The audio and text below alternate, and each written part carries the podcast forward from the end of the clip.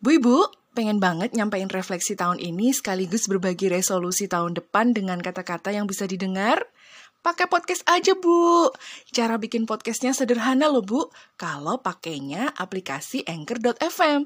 Bu Ibu cukup download aja Anchor.fm ke smartphone, lalu langsung bisa dipakai deh tuh untuk merekam suara, ngedit audionya, dan nambahin background musiknya. Kalau udah jadi, tinggal dipublish deh langsung terkoneksi ke Spotify dan platform podcast lainnya. Gampang dan gratis 100%.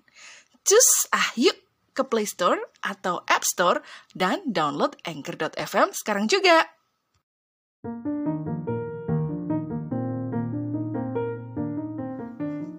Bu Ibu, Assalamualaikum. Hello, hello, hello, hello. Nggak kerasa ya Bu Ibu ya. Udah ada di minggu kedua di bulan Desember. Wih, makin deket dong ya dengan pergantian tahun. Gimana rasanya Bu Ibu? Senang? Sedih? Atau justru cemas? Atau mungkin malah bersemangat? Aduh, campur aduk ya kayaknya ya Bu ya. 2022, banyak memori di tahun ini. Rasanya nggak pengen cepet-cepet ditinggalin ya. Atau mungkin kalau bisa diulang lagi deh sebelum pergantian tahun gitu. Tapi kalau nggak move on ke tahun yang baru, itu kok sepertinya ya gitu-gitu aja ya hidupnya. Kira-kira kayak gitu kali ya Bu rasanya ya Bu ya. Makin deket sama tahun baru, biasanya orang-orang tuh juga pada bikin resolusi. Di tahun baru nanti aku akan begini, aku bakalan begitu, aku ingin ini, aku mau itu, aku berniat untuk bla bla bla bla bla dan sebagainya. Bagus juga sih, karena bisa dibilang itu jadi semacam penentu arah supaya nggak out of track ya untuk mencapai tujuan, mencapai goal tertentu, atau memenuhi target kemajuan hidup gitu. Bu Ibu seperti itu juga kan? Ya kan? Membuat uh, resolusi untuk tahun 2023? Tapi kalau bisa yang realistis ya Bu Ibu ya, disesuaikan dengan realita dan fakta hidup kita aja. Jangan sampai nantinya malah terjebak pada harapan-harapan palsu yang justru Bu Ibu da, apa bikin sendiri gitu. Ah, tapi masa sih Bu Ibu masih doyan sama yang palsu-palsu? Yuk ah Bu ngobrol ngibril bareng aku Ibu Inung tentunya di podcast Bu Ibu.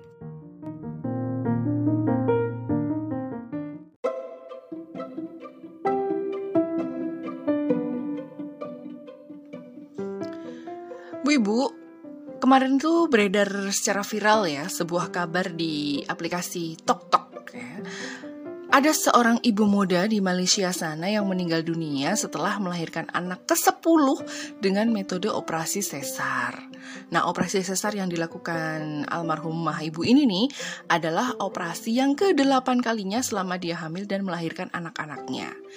Terus dikatakan juga ada perdarahan saat operasi sesar karena ada perlengketan plasenta juga sehingga nyawanya nggak tertolong. Nah, video dengan narasi seperti yang saya sebutkan tadi, dengan visual yang memperlihatkan foto seorang wanita berhijab, terus ada juga foto anak-anak kecil, itu viral banget di TokTok tadi ya, dan langsung di remake dengan narasi yang kurang lebih sama baik diaudiokan ataupun hanya dituliskan di deskripsi video seperti itu. Banyak banget yang bikin lagi. Eh, tapi kemudian malah ada video-video lanjutannya ya, tapi bukan uh, part dari lanjutan video yang pertama itu. Banyak yang remake video itu dan ditambah-tambahin kalimatnya dengan narasi-narasi yang menyebutkan tentang kenapa nggak KB padahal anaknya udah banyak, kenapa kok nurutin suaminya terus yang nggak ngebolehin KB gitu. Ada juga ditambahin narasi wanita itu harus berani bilang tidak pada suami, wanita itu bukan ternak gitu. Terus ada juga yang menambahkan kalimat-kalimat sesar tiga kali aja udah nggak udah nggak boleh kok sama dokter, bla bla bla bla bla gitu. Terus ada lagi yang menambahkan menambahkan semacam uh, judgmental ya atau ada yang ngejudge si suami dari almarhumah ibu ini gitu dengan kalimat kalau lihat suaminya si ibu ini sih pantesan bla bla bla bla bla kayak gitu ya. Ah. Nah, terlepas dari benar atau enggaknya ini kabar, fakta atau hoax ini beritanya, asli atau palsu ini info yang beredar karena sampai sekarang kayaknya belum ada rilis resmi ya entah itu dari pihak rumah sakit atau dari keluarga si ibu ini ya at least dari suaminya lah ya yang jelas masyarakat itu sudah terlanjur percaya dan memakan mentah-mentah dan bulat-bulat apa yang disampaikan di video tok-tok tadi gitu. Karena memang isi infonya itu bisa dibilang newsmaker banget gitu. Yaitu tentang seorang ibu masih muda melahirkan anak ke 10. Wah, siapa sih yang gak akan ngeh sama info kayak gitu? Ya kan? Udah gitu ditambah lagi dengan uh, ibu ini melahirkan secara sesar 8 kali. Otomatis dong ya bikin semua orang tuh terkejut ya nggak sih? Wow, really 8 kali gitu. Yang mau sesar dua kali aja harus mikir dan ngitung jarak dari ke kelahiran sebelumnya. Lah kok ini kok malah 8 kali gitu kan? Pasti deh jadi bahan diskusi ibu-ibu gitu kan ya. Apalagi ibu-ibu yang udah pernah sesar nih pasti langsung Wah, aku sesar sekali aja sakitnya masih sampai tahun depannya, tahun depannya kayak gitu. Apalagi ini 8 kali apa dia nggak kesakitan sih tiap harinya kayak gitu kan ya. Banyak sekali komentar-komentar yang kemudian bermunculan gitu di arena gibah menggibah gitu ya. nah, terus udah gitu diberitakan juga bahwa si ibu ini akhirnya meninggal karena perdarahan uh, ada placenta previa atau perlengketan placenta gitu. Wah, makin kenceng deh traffic video ini uh, di aplikasi TokTok itu tadi tentang topik ini doang gitu. Nah, dan kemudian karena saking viralnya, saking ramenya, lalu di-share ke berbagai sosial media. Terus di-share juga di grup WA gitu. Wah, jadi makin viral deh. Padahal berita ini tuh masih dipertanyakan ya kebenarannya gitu. Waktu aku dapat kabar ini aja, aku langsung cek di aplikasi TokTok gitu. Bener gak sih, bener gak sih? Dan ternyata ada banyak sekali video-video yang udah bermunculan tentang ini gitu kan. Narasinya hampir sama gitu. Terus aku scroll juga, uh, aku cari di beberapa portal berita digital gitu ya. Aku scroll, aku coba, aku baca-baca kalimat-kalimat yang disusun dari satu portal uh, berita digital dengan portal yang lain itu hampir sama, tidak ada yang berbeda gitu. I don't know, entah mereka hanya copy paste atau bagaimana, aku nggak ngerti ya. Terus aku coba cari berita ini di TV, di TV ya, terutama di kanal-kanal berita kayak gitu. Dan nggak ada gitu ya, masih kalah beritanya sama uh, persidangan Ferdi Sambo. Terus aku browse beberapa media sosial yang mencantumkan nama si almarhumah ibu ini gitu. Adanya hanya postingan ulang dari postingan-postingan sebelumnya. Terus juga ketika aku menemukan sebuah nama yang menyebutkan nama si ibu yang meninggal ini di IG, ternyata itu isinya sudah sudah sepertinya tidak real ya. I don't know, sepertinya akun ini tidak real gitu karena ada sebuah tautan link gitu yang disematkan di situ ternyata linknya itu malah ketika diklik itu masuk ke sebuah marketplace warna orange kayak gitu. Oh, what what what is this gitu kan. Jadi uh, meskipun katanya ini udah benar-benar berita asli real dari Malaysia sana, tapi here inside my brain I still can figure out about this fact gitu loh. Ya. Jikalaupun nantinya berita ini akhirnya betul, asli gitu ya, bukan hoax, well, all I can say, semoga beliau, si ibu ini dapat tempat terbaik di sisi Allah Subhanahu wa Ta'ala. Amin. And bu ibu, aku nggak akan ngobrol panjang lebar tentang berita ini ya, tentang sesar 8 kali, tentang placenta previa. No, no, no, no, no, I'm not gonna talk about it karena aku yakin bu ibu juga sudah cukup literate mengenai uh, berapa kali batas seorang ibu hamil itu bisa melahirkan dengan metode operasi sesar kayak gitu. Dan aku yakin banyak sekali dokter-dokter obsgyn terutama itu sudah sering memberikan edukasi tentang uh, operasi sesar gitu. Nah, di episode kali ini aku akan lebih menyoroti perilaku orang-orang uh, bu ibu nih terutama ya, ya kan kita bestie ya bu ibu ya, yang mungkin udah uh, sering sekali melahap apa pun yang media sosial itu sajikan di hadapan kita ya bu ya, apa pun beritanya terhadap bu ibu gitu ya uh, media sosial tuh memang kadang suka gencar ya, suka masif gitu loh pergerakannya dalam memberikan info info-info terbaru dan terkini gitu. Dan bu ibu itu kadang memang ya kalau disuguhin kadang langsung comot aja terus dimakan hmm enak kayak gitu ya. Apalagi kalau uh, berita-berita yang sifatnya itu yang bikin heboh gitu yang hiperbolis gitu. Yang kadang berita-berita itu uh, apa ya di luar nalar gitu loh. Tapi kadang berita-berita receh yang isinya tentang kehidupan sehari-hari pun juga sama bu ibu tuh nggak serta merta dibuang gitu. Ya bisa dibilang ikut dicicip lah, ikut dicicip gitu, semacam dessert gitu ya dalam urutan makan malam. Jadi bisa dibilang nanti uh, sebagai penambah referensi makanan apa aja yang udah pernah disantap gitu. Jadi kalau misalnya ditanya orang, eh bu, udah tahu belum berita ini? Eh bu, udah udah lihat belum video ini ya? Jadi si bu ibu ini bisa jawab, ya pernah dong, udah pernah lihat, udah lihat, udah ngerti, wes tahu gitu ya. Supaya apa? Supaya bu ibu itu nggak dibilang ketinggalan berita. Ya, ada bu ibu yang merasa harus segera mengetahui apa yang terjadi pada saat itu juga supaya nggak jadi FOMO gitu dan supaya tetap dianggap sebagai bu ibu yang up to date gitu. Padahal dia sendiri tuh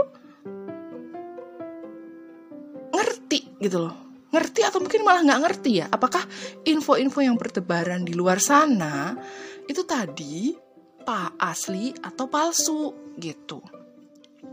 Ya kadang bu ibu tuh suka apa ya I don't know bahasanya tuh gegabah gitu ya. Suka langsung ah main share ah bagus nih beritanya share share share share gitu ya. Grup WA grup keluarga grup bu ibu arisan gitu ya. Grup wali murid gitu semua di share gitu Zaman teknologi makin canggih dan komunikasi makin terbuka kayak sekarang ini nih memang bisa bikin kita tuh mudah mengakses informasi ya Bu Ibu ya karena penyedianya itu juga banyak dan kita tinggal pilih aja mau info apa gitu. Sekarang tuh udah nggak terbatas lagi uh, nyari berita di koran atau di TV aja gitu yang kadang-kadang mereka itu masih harus melewati sensor gitu. Tapi masalahnya masalahnya kadang Bu Ibu sendiri dari bu ibu sendiri itu tidak melakukan sensor terhadap pilihan info itu sendiri gitu loh. Ya jadi dari dalam diri bu ibu sendiri itu nggak punya sensor gitu. Kalau bu ibu punya sensor atau filter lah katakanlah untuk menerima dan mengamini apa-apa yang diinfokan pasti nggak akan ada kejadian berita-berita palsu yang viral gitu. Ya kan udah sering kan kita dapat info palsu alias hoax gitu kan. Dulu tuh pernah tuh kan ada uh, berita tentang wanita hamil kembar 10 gitu. Terus tentang fenomena fenomena alam yang akan terjadi gitu. Misalnya kayak uh, apa kemarin-kemarin tuh Avelian kayak gitu. Terus ada juga eh, info-info yang mengatasnamakan sebuah bank pemerintah yang katanya merubah tarif transaksi gitu. Sampai info yang hanya isinya lowongan kerja di perusahaan A B C dan sebagainya yang kemudian uh, bisa di share gitu ke ke semua orang. Intinya berterima berita yang yang menggemparkan itu tuh bi langsung dipercaya sama bu ibu terus di share sebanyak mungkin gitu. Padahal keaslian atau kepalsuan info tadi tuh belum jelas kayak gitu loh. Eh setelah kemudian diklarifikasi kalau info yang beredar adalah sebuah hoax semata bu ibu yang sudah nge-share ya diem aja gitu. Nggak ada permintaan maaf gitu bahkan bu ibu sendiri menganggap bahwa aku itu kan cuma dapat kiriman. Ya terus tak share juga dong biar yang lain juga tahu gitu. Jadi alibinya seperti itu. Sorry itu saya bu ya. Tapi memang masih banyak kok bu ibu yang illiterate gitu yang uh, kurang terliterasi dengan baik terutama di ranah di, literasi digital gitu. Salah satu cirinya yaitu tadi gampang termakan info yang keasliannya, yang kebenarannya itu masih dipertanyakan gitu loh. Bu ibu jadi gampang menyebarkan info padahal dia sendiri bener atau dia sendiri nggak tahu bener atau enggak info itu kayak gitu loh.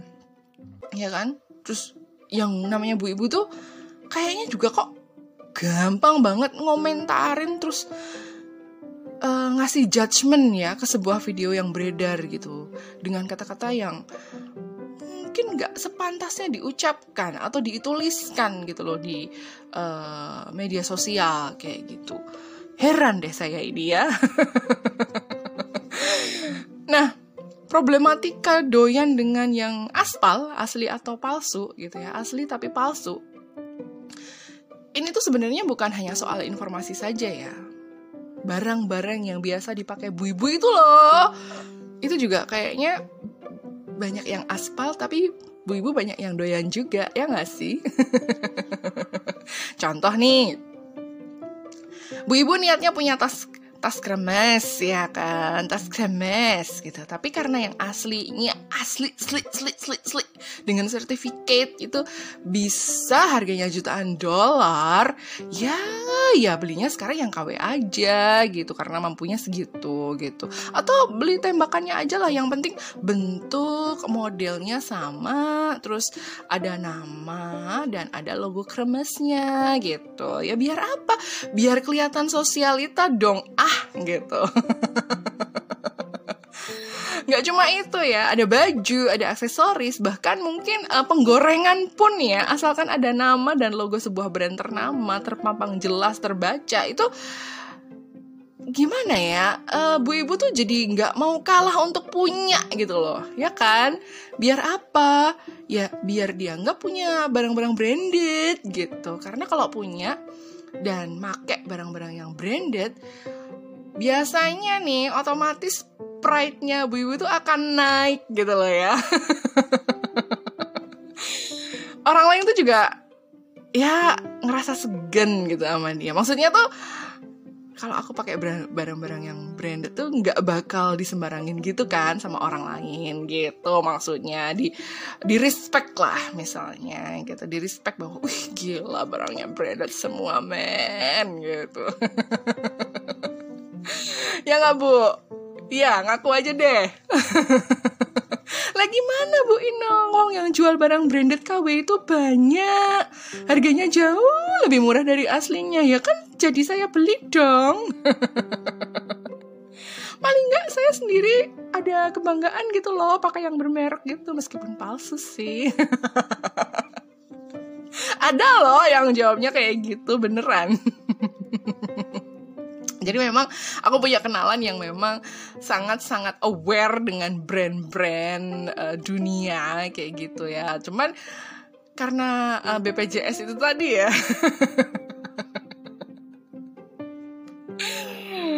uh, jadi ya mampunya beli yang KW kayak gitu. Nah, dan dan jawabannya seperti itu ketika aku tanya gitu kan.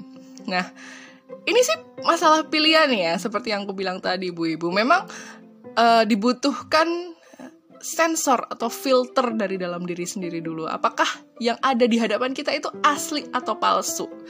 Sama kayak dulu ya uh, ada berita berasnya palsu berasnya terbuat dari plastik Ingat nggak dulu beras plastik beredar kayak gitu. Wah, bu ibu dengan gampang dan lugas dan cepat itu menyebarluaskan video yang katanya beras plastik.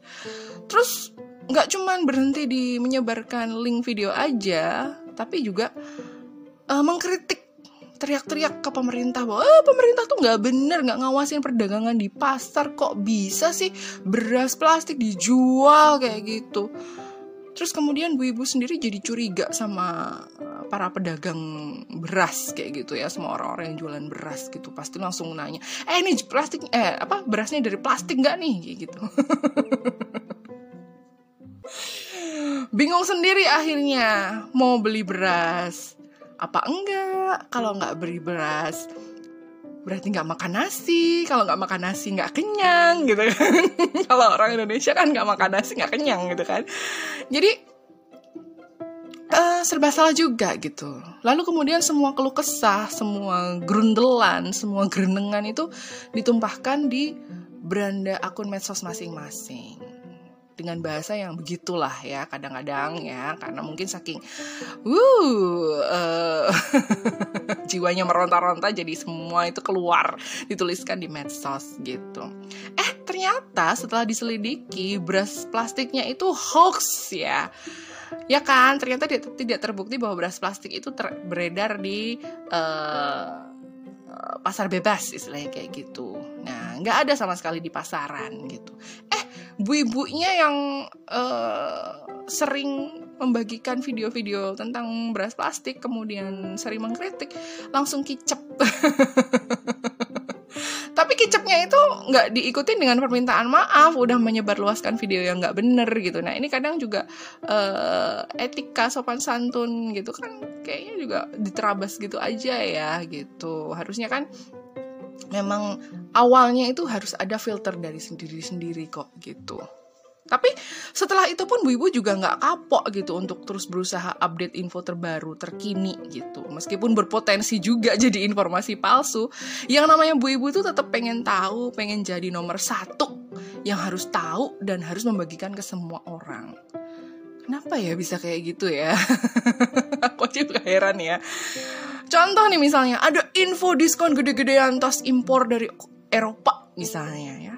Eh ibu-ibunya rame-rame nih datang ke tokonya. Hmm atau misalnya uh, pembelian secara online gitu. Ada ada promo online di marketplace kayak gitu. Wah rame-rame beli nih. Ternyata setelah su uh, sudah menerima barangnya tas yang katanya di diskon gede-gedean itu tadi bukan tas asli dari produsen brand dunia tapi hanya versi KW-nya kayak gitu. Nah, kalau udah kayak gini gimana? Harus menanggung malu juga kan karena yang diterima itu hanyalah informasi palsu kayak gitu kan. Kadang memang luput dari perhatian bu ibu ya soal gimana harus memilah dan memilih hal-hal yang sifatnya asli atau palsu. Entah karena kesibukan, atau karena simply nggak tahu caranya gimana, atau emang ada uh, ibu yang sifatnya bodoh amat pokoknya nih info terbaru aku share aja kayak gitu ini barang bagus branded aku beli aku harus punya gitu nggak peduli orang bilang itu palsu gitu ya yeah. tapi aku yakin kok kalau bu ibu dikasih janji palsu bu ibu juga nggak mau kan Oke Bu Ibu, thank you ya udah bareng-bareng sama aku. Anyway, episode ini adalah bagian dari tantangan 30 hari bersuara 2022 yang diselenggarakan oleh komunitas The Podcasters Indonesia. See you tomorrow Bu Ibu. Aku Ibu Inung, tetap dengerin podcast Bu Ibu. So long.